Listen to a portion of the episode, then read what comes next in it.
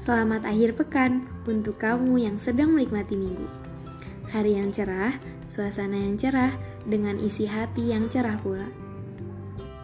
Hmm, kapan terakhir kali kita memejamkan mata di bawah langit-langit, merasakan hembusan angin, dan mengajak pikiran untuk terus menghitung karunia yang Tuhan beri di minggu ini?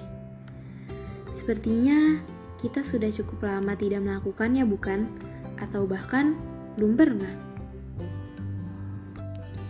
Jangan hanya gunakan minggumu untuk bermain, tetapi sesekali coba ajaklah pikiran kita untuk kembali bercengkrama dengan alam.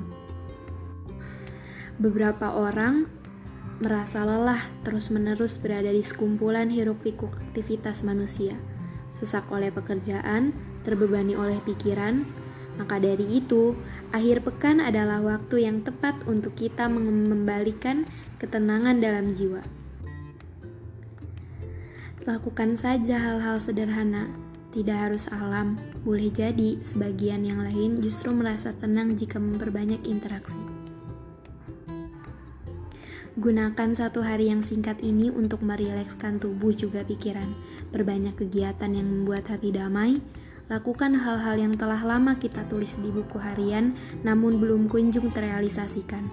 Juga sempatkan waktu untuk membersamai orang-orang yang kita sayang. Semoga minggumu menjadi minggu yang penuh kebahagiaan sebelum akhirnya esok hari kembali berkutik dengan padatnya kegiatan.